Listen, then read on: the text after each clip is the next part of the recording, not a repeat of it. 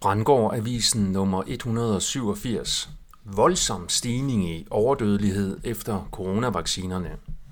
Det vigtigste og i hovedstrømmen mest ignorerede folkesundhedsemne nu er de officielle data, der tydeligt viser, at overdødeligheden er eksploderet efter udrulningen af og propagandaen for supervåbnet.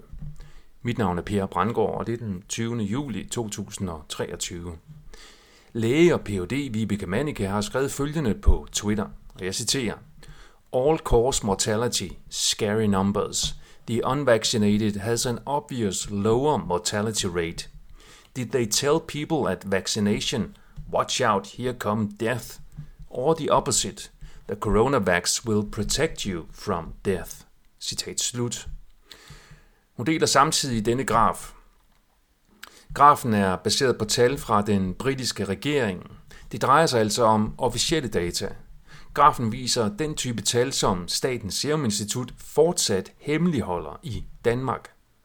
Grafen illustrerer, hvor mange der er døde per 100.000 70-79-årige personer i forskellige grupper af vaccinationsstatus i den britiske befolkning i perioden januar til maj 2022. Grafen viser, at den laveste dødelighed i alle fire måneder var blandt de uvaccinerede. Dødeligheden var betydeligt højere både blandt dem, der havde fået et stik, to stik eller tre stik coronavaccine. Det skal belyses i forhold til den sædvanlige bias ved studier af vaccinestatus, som er, at dem, der ikke tager imod tilbud om vaccination, generelt er mindre sunde med større risiko for at dø af andre årsager. Det betyder, at den reelle effekt af coronavaccinen på risikoen for at dø kan være endnu højere, end graferne antyder. Vibeke Mannicke skriver i et andet opslag på Twitter, og jeg citerer, 71% of serious adverse effects SAE from Pfizer corona vaccines is represented by only 4.2% of batches. This shows a serious safety issue. Citat slut. Det tyder på, at den injektionsvæske, der er blevet markedsført som coronavaccinen fra Pfizer, omfatter en lille mængde produktioner, batches med et meget mere skadeligt indhold end de fleste produktioner af den vaccine.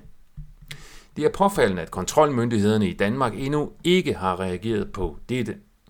Forskellene er veldokumenteret og publiceret af Manike og kolleger i et internationalt anerkendt peer-reviewed videnskabeligt tidsskrift.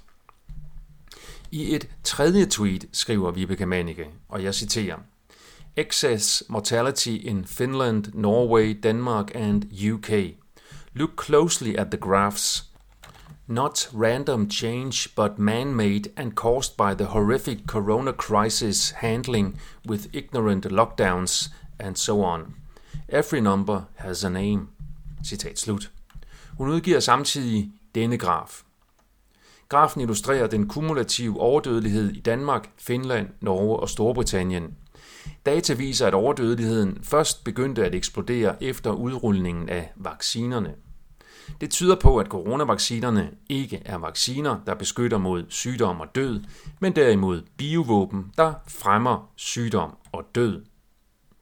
Når hovedstrømspressen i Danmark ikke skriver om dette, så kan det skyldes, at pressen er underlagt censur fra Kulturministeriet med trusler om fjernelse af finansiering, hvis de går ind i vaccinesagen.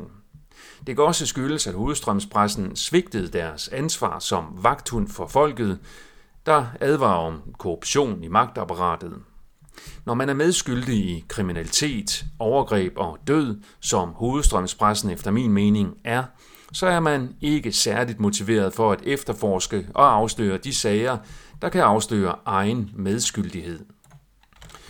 Vi skal derfor ikke forvente, at dette kommer frem i hovedstrømmen, medmindre hovedstrømspressen bryder fri af finansieringsgrebet.